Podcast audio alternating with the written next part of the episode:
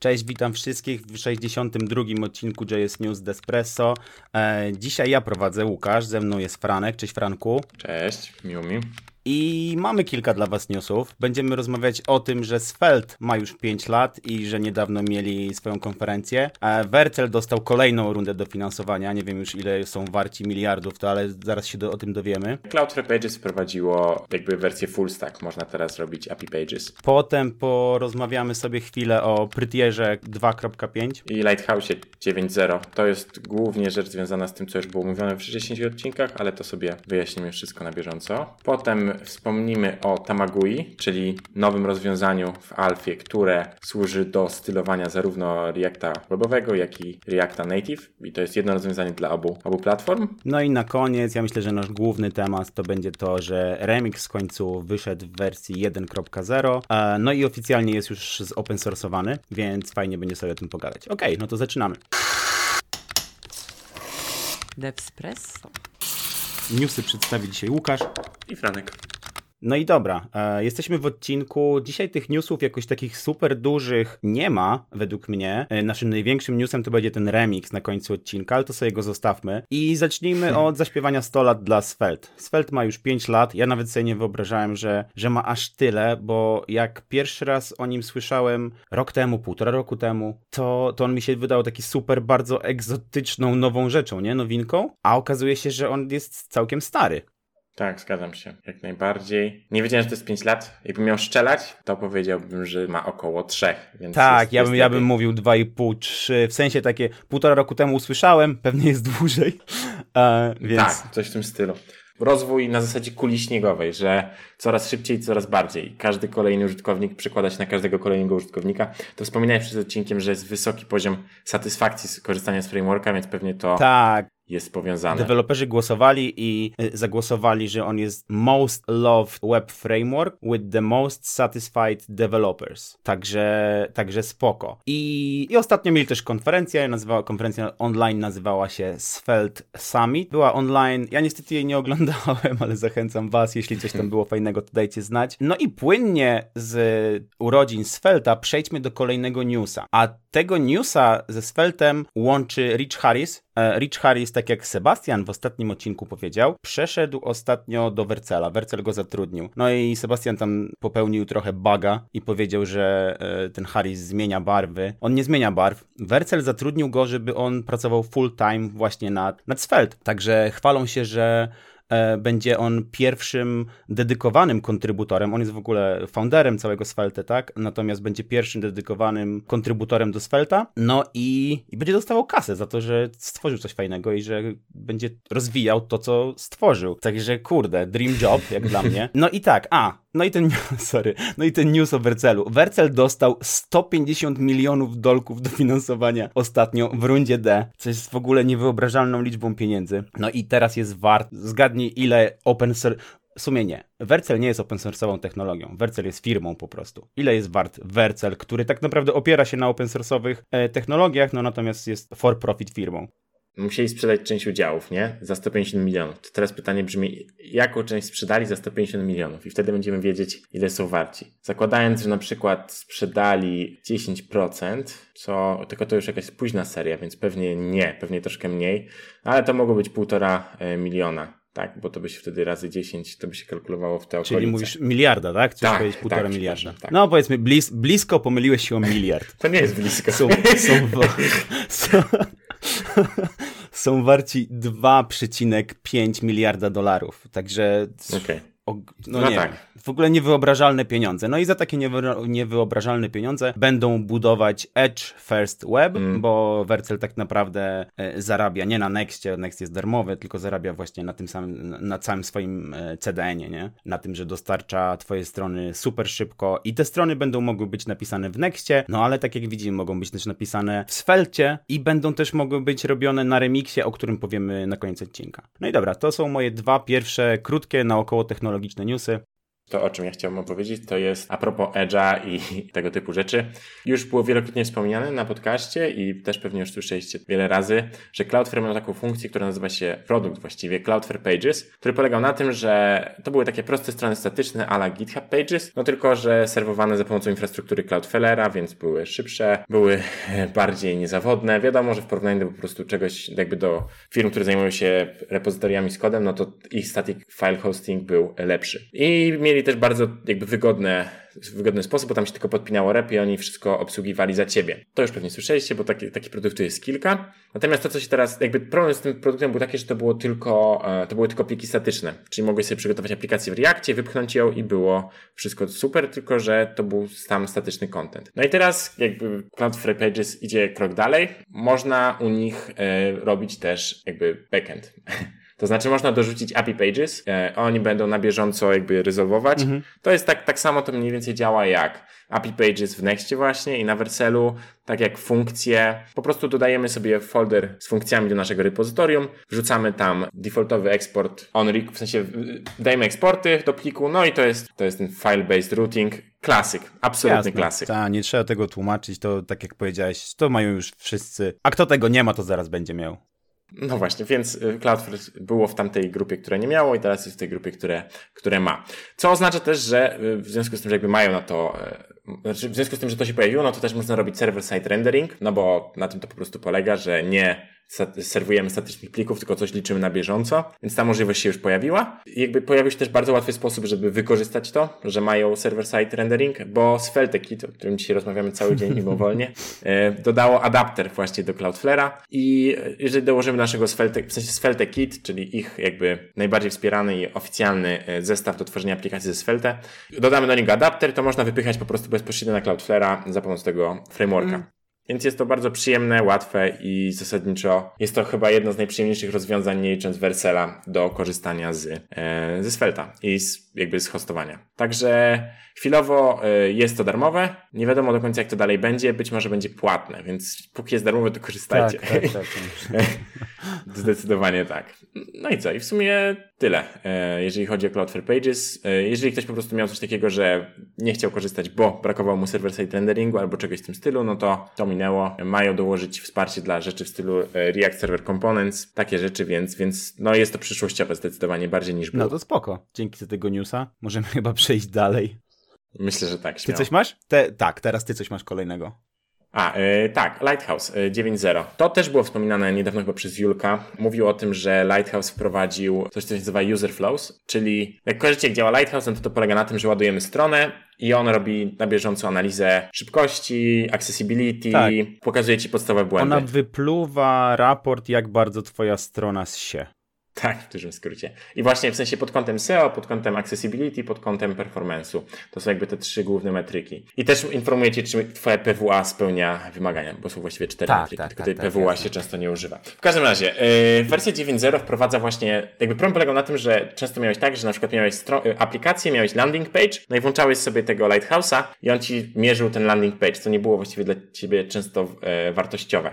Więc to, co oni dodali, to jest możliwość przeklikiwania się przez stronę i robienie audytu na każdej z tych stron i po prostu informacji o tym, jak to działa w praktyce. Czyli ten test jest dużo bardziej miarodajny, no bo może masz super zoptymalizowane ładowanie tego landing page'a, ale za chwilę chcesz włączyć aplikację, a tam każde przeskoczenie 10 sekund zajmuje. Tak, tak, tak. Także... To wygląda właśnie już jak trochę e, automatyczne mierzenie performance'u całej strony, a nie Dokładnie tylko ładowania tak. pierwszej, nie? Tak jest. To, to już było od pewnego czasu, wydaje mi się, w Nextie, e, bo oni mają wsparcie dla Web Vitals i wtedy możesz to troszeczkę odwzorować, to, to co się teraz dzieje, natomiast teraz będzie to dla absolutnie wszystkich. No i oprócz tego, że jest to, co jest najważniejszą zmianą. E, pojawił się też lekkie od, od, odświeżenie wyglądu. Ten raport, który już jest troszeczkę, miał przestarzały design, jest odświeżony, więc wygląda znacznie, znacznie ładniej. Według mnie. To jest oczywiście część subiektywna. No i poza tym jakieś zmiany w API, natomiast to nie jest nic, co obchodziłoby końcowego użytkownika, bardziej deweloperów. Tak, ja myślę, że ta dziewiątka z przodu, ten, że to jest major, to chyba właśnie chodzi o ten user flows tylko i wyłącznie, nie? To, to jest, reszta zmian jest bardzo minor. Tak, tak, tak, zgadzam się. To i chyba te API changes po prostu, bo e, jakby dla ludzi, którzy piszą pluginy do Lighthouse'a albo korzystają z niego w bibliotekach, to żeby byli świadomi. Także user flows, jeżeli macie chwilę, żeby to ustawić, to myślę, warto, bo to da faktyczne e, efekty. W sensie ten raport teraz jest bardzo, bardzo przydatny, wydaje mi się. Jest też jakimś kolejnym sposobem, żeby poinformować Cię, że coś poszło nie tak w ostatnim deployu na przykład. Zachęcam. Dobra, to jak już y, powiedziałeś, że jak macie chwilę czasu, to warto to ustawić, to to będzie fajny bridge do tego, co ja chcę powiedzieć, bo będę teraz mówił Prettier 2.5, 2.5, e, no. wyszedł właśnie.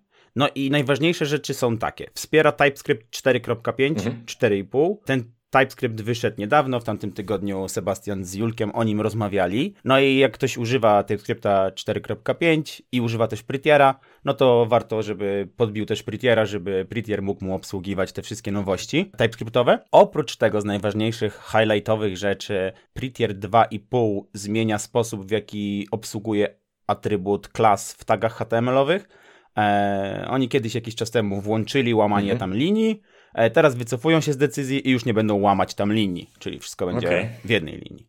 No, tam jakaś jest dyskusja, że, że to jakieś było niedeterministyczne. Dziwnie się to zachowywało, to łamanie linii, także okay. cofają to, okej. Okay. No i ostatnia, ostatnia e, highlightowa mhm. zmiana z ich bloga to jest coś takiego, że wprowadzają wsparcie dla MDX V2. I teraz wyobraź sobie, jak ja przeczytałem tak na szybko ten headline, to ja korzystałem z MDX-ów w w, w Dokuzaurusie. Okay. Mm, no ale żeby, żeby przedstawić dobrze MDX V2, no to zaraz się naczytałem, co to jest i w ogóle jakie tam są nowe zmiany, żeby, żeby tutaj tobie i słuchaczom trochę e, wprowadzić no. ten temat. Kiedy, jak skończyłem już tą długą lekturę, to zorientowałem się, że ok, oni wprowadzają wsparcie dla MDX V2, ale tylko dla komentarzy napisanych w MDX V2, bo bo o ile ten TypeScript 4.5 już wyszedł, to ten MDX V2 jeszcze nie wyszedł, więc jak ktoś pisze gdzieś tam cutting edge rzeczy, okay. to, to komentarze mu Prettier obsłuży, a innych rzeczy może mu nie obsłuży, nie wiem, wprowadzili e, wsparcie dla komentarzy. Jestem ba Także bardzo nie... ciekawy, powiem Ci no? szczerze, czy... E, jest wśród naszych słuchaczy jedna osoba, która pisze na Cutting Edge MDX2 i będzie korzystać z Prettiera, żeby to sformatować. kurde, właśnie, właśnie się zastanawiam, bo ja jedyny, jedyne, co miałem wspólnego z MDX-em i to na pewno nie V2, bo ostatnio jakieś dokuzaurusy robiłem kilka miesięcy temu, no to właśnie w dokuzaurusie. Nie? No tak mi się też wydaje, że szanse są nikłe. No ale dobrze, jeżeli tam jesteś nasz jeden, jedyny słuchacz, tak Daj jest. znać, daj znać w komentarzach. Wyślemy pomoc. nie, no. no. tak, tak. Dobra, ale to te zmiany z, z TypeScriptem budujące, bo... Yy no dobrze, że to tak szybko e, jakby poszło krok w krok. Tak, jasne, że TypeScript wychodzi w tamtym tygodniu, nie? Kilka mm -hmm. dni później i już Prettier mówi, ok, możecie używać tych tak. tam private fields i, i co tam jeszcze weszło do nowego TypeScripta. Nie wiem, nie patrzyłem, ale ale jak będę używał, to, to będę wiedział. Ale tak, wydaje mi się, że, że fieldy tak... Seba, mówi, Seba mówił w tamtym tygodniu właśnie, że on używa już w jakimś projekcie. Nie wiem, ile z nowości używa, ale Seba, jak nas słuchasz, e, to podbij Prettiera. Dokładnie.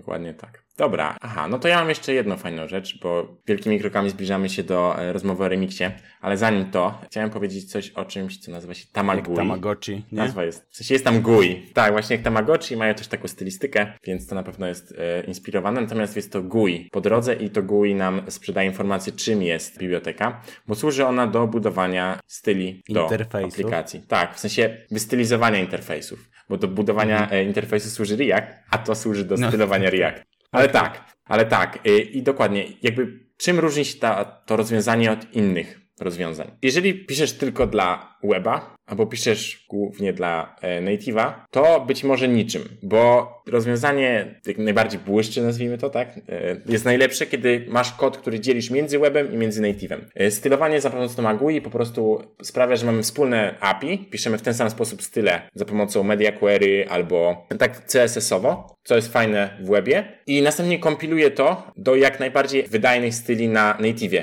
czyli zamiast robić stylowanie za pomocą JS-a, jakimiś skomplikowaną logiką, logiką, to on upraszcza maksymalnie podczas procesu kompilacji twoje style, dzięki temu one są bardzo wydajne. Jednocześnie pozwalając też mieć właśnie to wspólne API mediaquerowe, które potem jest kompilowane do reactowo-native'owych rzeczy w stylu StyleSheet Create, które jest najszybsze mm -hmm, z mhm, wszystkich rozwiązań. Mm -hmm. Także to jest większość rzeczy, które, z którymi mamy do czynienia, kiedy mówimy o Tamagui, czyli kompilator przygotowany jeden dla weba, dla, przez Babel, i drugi dla, dla native'a. E, I te kompilatory po prostu wykonują swoją pracę, kiedy korzystamy z tej biblioteki. I w procesie jakby tuż przed deployem kompilują, no i to jest najszybsza wersja To jest ciekawa bardzo sprawa, bo to tak jakby nas zbliża CSS-y do native'a. W sensie jak jesteś webowcem i bardzo lubisz CSS-y, to Tamagui jest trochę dla ciebie. Bo jak lubisz e, styled components, to tak naprawdę lipki styled components, one działają i, i na webie, i na native'ie tak samo. Jeśli jesteś tylko React Native'owcem i nie lubisz Style Components i nie masz pojęcia, co to są CSS-y, to zawsze możesz użyć React Native Weba, żeby to twoja apka używała style sheetów na webie, nie? Tak. Tak naprawdę dostajemy CSS-a w React Native dzięki tym, te, temu Tamagui. Tak, tak to też rozumiem. No i co? Zasadniczo wspiera, bo to też wspiera Expo, wspiera Next.jsa. Yy, można na podstawie tego zbudować swój design system. Ma też app Styled Component, więc to też można dla właśnie, że jesteś już w tę stronę zainwestowany, nazwijmy to, to też możesz to wykorzystać. Ale to, co jakby jest kluczowe, to to, że po prostu ta lipka pozwala nam mieć bardzo wydajne style, niezależnie od tego, na którą platformę piszemy, ten kod będzie ten sam. Co wcześniej było po prostu dosyć skomplikowane, bo zwłaszcza jeżeli chodzi o e, jakby responsywność. Ten problem, o ile stealth components, tak jak mówisz, można używać tu i tu, o tyle media queries w tym są skomplikowane, w sensie nie możemy tego zrobić w tak prosty sposób. No i to jest to, mm -hmm. to ułatwienie, z którym zmierza do nas e, Tamagui. I co? E, mi się dosyć podoba i właśnie dzisiaj miałem taki, e, takie parę decyzji do podjęcia odnośnie tego, jaką lipkę w e, następnym projekcie React Native użyć i powiem szczerze, że wybrałem coś, co nazywa się Magnus UI, ale to Tamagui mnie mocno przekonuje i nie wiem, czy nie zmienię decyzji jeszcze. Będę pisał zaraz do mojego kolegi, co on o tym sądzi. jak, jeszcze, jak, jak jeszcze możesz, to jeszcze uważaj, mogę. bo ja czytam na doksach, że Tamagui is in alpha, także to trochę production ready to nie brzmi. Nie, nie, spokojnie, ten projekt nie jest production e, ready, w sensie nie musi być. Okay.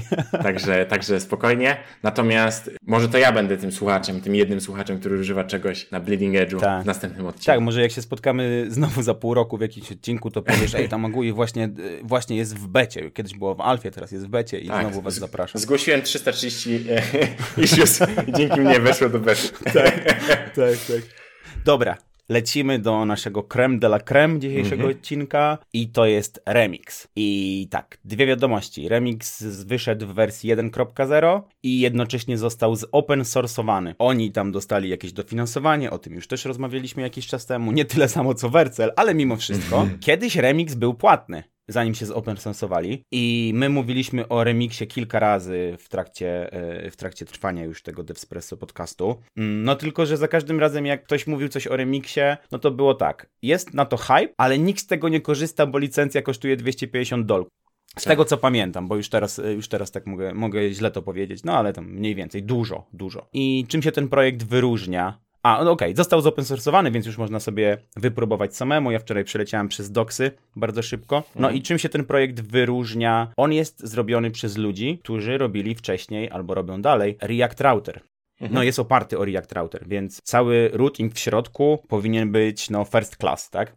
Tak powinien jest. być najwyższej jakości. No i z tych jakichś komentarzy, co widziałem, to tak, rzeczywiście nie odstaje od tego, co, co nam daje nam Next.js, bo też ma prefetching. Routing w remixie ma jeszcze jest taki fajny jeden myk, że mhm. nie jest podzielony tak jakby na całą stronę, cała strona nie jest twoim routem, twoim routem może być kawałek strony, więc jak masz stronę tam na demo jest jakieś faktury, to każda faktura może być oddzielnym routem, ale nie, re nie renderuje się cała strona, tylko tak jakby pojedyncza faktura, pojedynczy komponent mhm. jest od razu twoim routem. Więc to w ogóle fajne. No oprócz tego trochę tak jak Next.js, e, gdzie jeszcze będę chciał za chwilę może porównać trochę te dwa frameworki, ale mhm. też trochę tak jak Next.js daje nam kilka własnych komponentów, które można używać. Jakiś właśnie komponent do, do linkowania stron między sobą, który tam przyjmuje jakieś propy na temat jak powinien z, zafeczować sobie tą stronę, mhm. czy sprefetchować, czy zostawić jak jest, czy e, oni też chyba się chwalą, że kiedyś będą próbowali inteligentnie fetchować tobie strony. Może jakiś AI tam ci wcisnął, nie wiem. No i tak, Remix jest teraz number one trending repo on GitHub.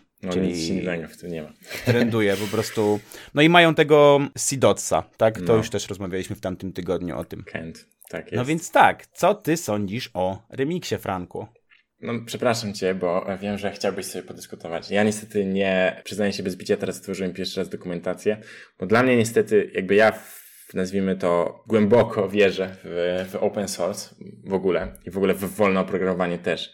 Siedzę na Linuxie, mam jakieś tam wszystko, nie wiem, używam Firefoxa, bo mnie, nazwijmy, nie podoba mi się monopol e, Google Chrome i wszystkich silników, znaczy wszystkich przeglądarek na tym silniku, tak dalej, tak dalej. Więc jak usłyszałem o tym, że powstaje framework, który jest płatny i nie jest open source, e, to nie podobało mi się to dosyć. W sensie, e, Tutaj z kolei moim problemem jest vendor locking, czyli że robisz sobie coś, a potem oni padną i wtedy co? Albo w sumie mogą jeszcze, nie wiem, zwiększyć ci kasę, nie? Bo no tak. są monopolistą w twoim frameworku, więc tak. zamiast 250 dolków to odkryją, że że jakaś ogromna korporacja z tego korzysta i tylko ta korporacja, no i podniosą jej na tysiąc dolków. A co? Dokładnie.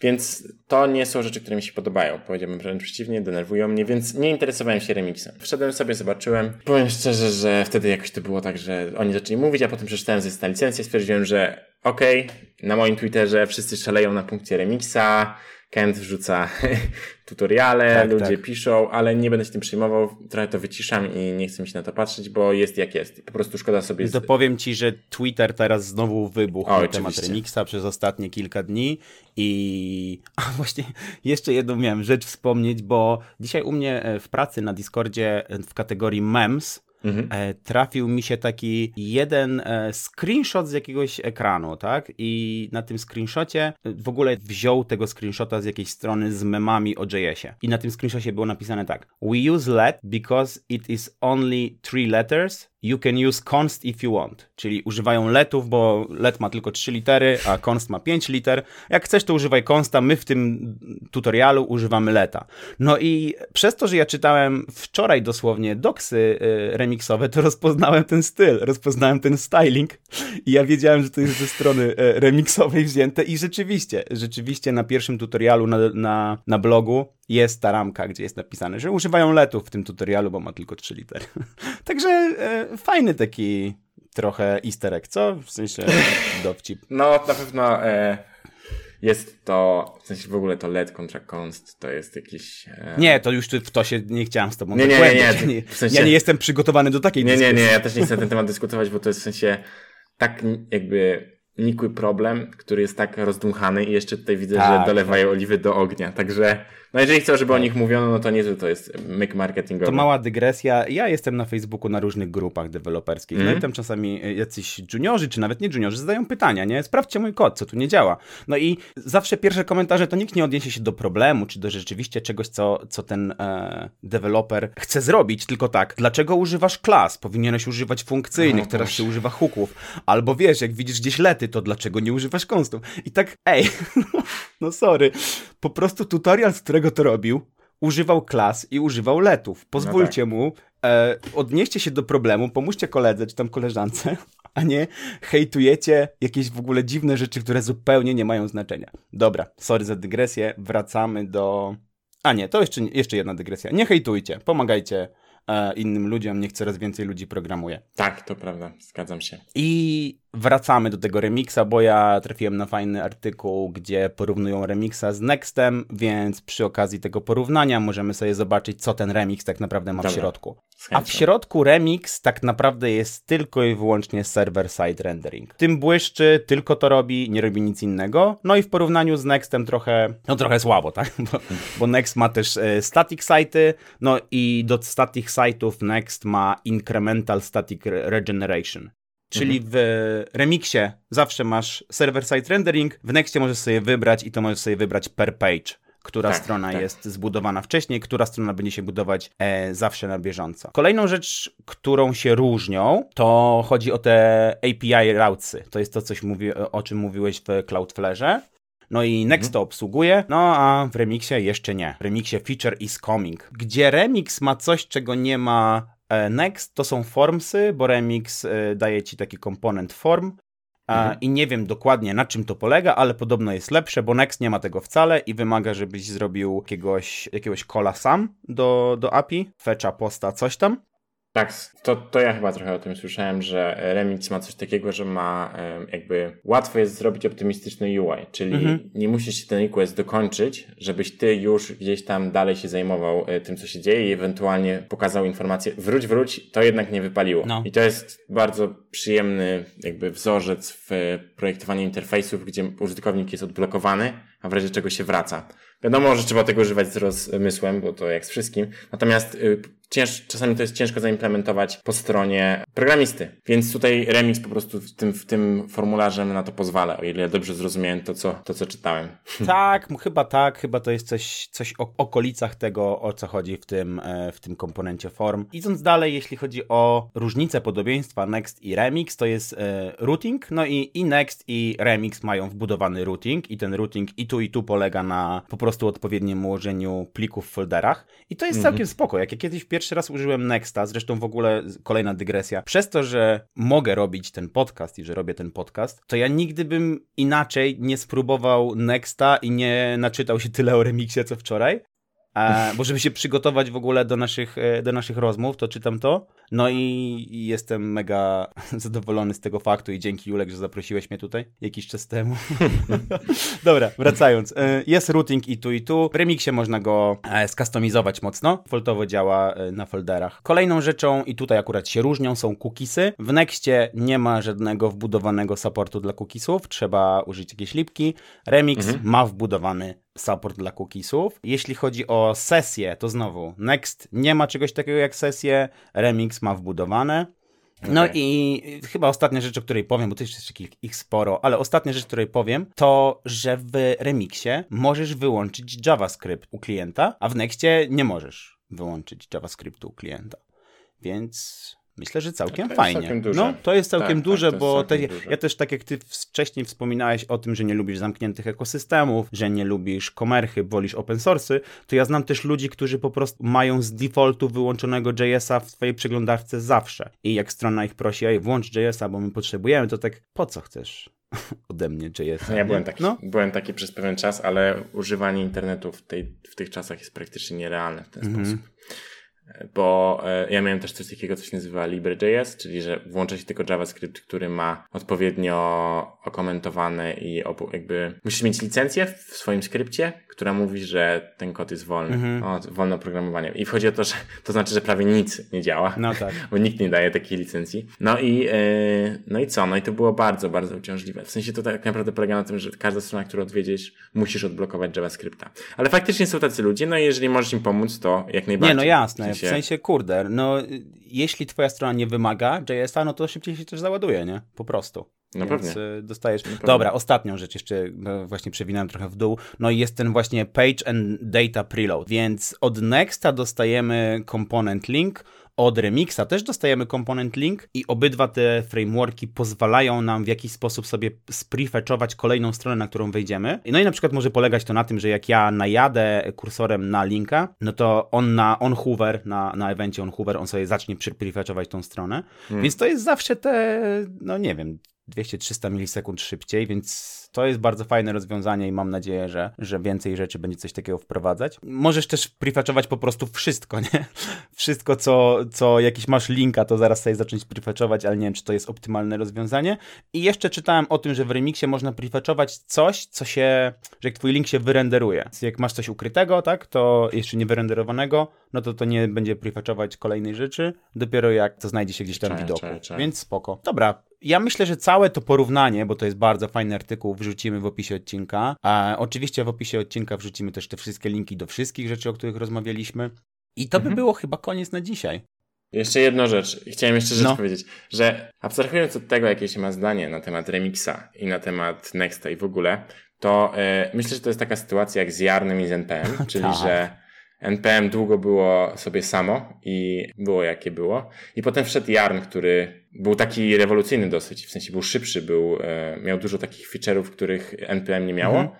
No i strasznie zaczął chuchać im w szyję. No. I oni się w tym NPM-ie zebrali w sobie i zrobili mnóstwo rzeczy. w sensie jakby myślę, że jeżeli byśmy zrobili jakiś wykres feature'ów i funkcjonalności i bugów zamkniętych i tak dalej między jakby od czasu, kiedy NPM istniało do momentu, kiedy Jarn powstał i potem od momentu, kiedy Jarn powstał do dzisiaj, to myślę, że ten skok był Widoczny, diametralny no, i mam tak. Że to będzie dokładnie to samo z remixem, który jakby te kilka nowych rzeczy, nawet jeżeli nie ma ich jakoś super wiele, popchnął też Nexta w lepszą stronę, może Svelte Kit, wszystkie takie podobne frameworki.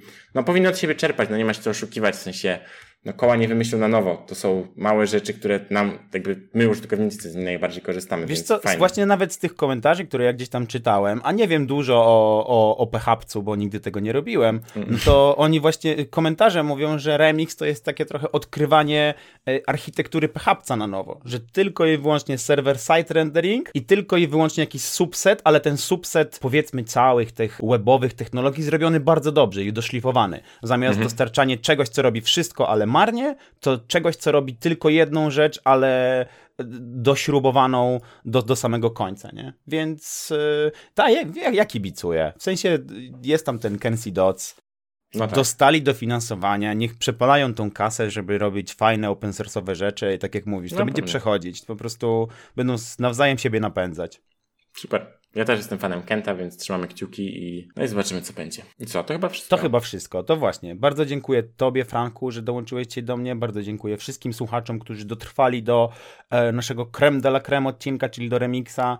E, mam nadzieję, że Wam się podobało. Jeśli Wam się podobało, albo jeśli nie, to zostawcie łapkę w górę, łapkę w dół, komentarz. Bardzo nam to pomaga. A, I do usłyszenia w przyszłym tygodniu pewnie z kimś innym. Tak. dzięki, dzięki. Cześć. No, dzięki. Heja.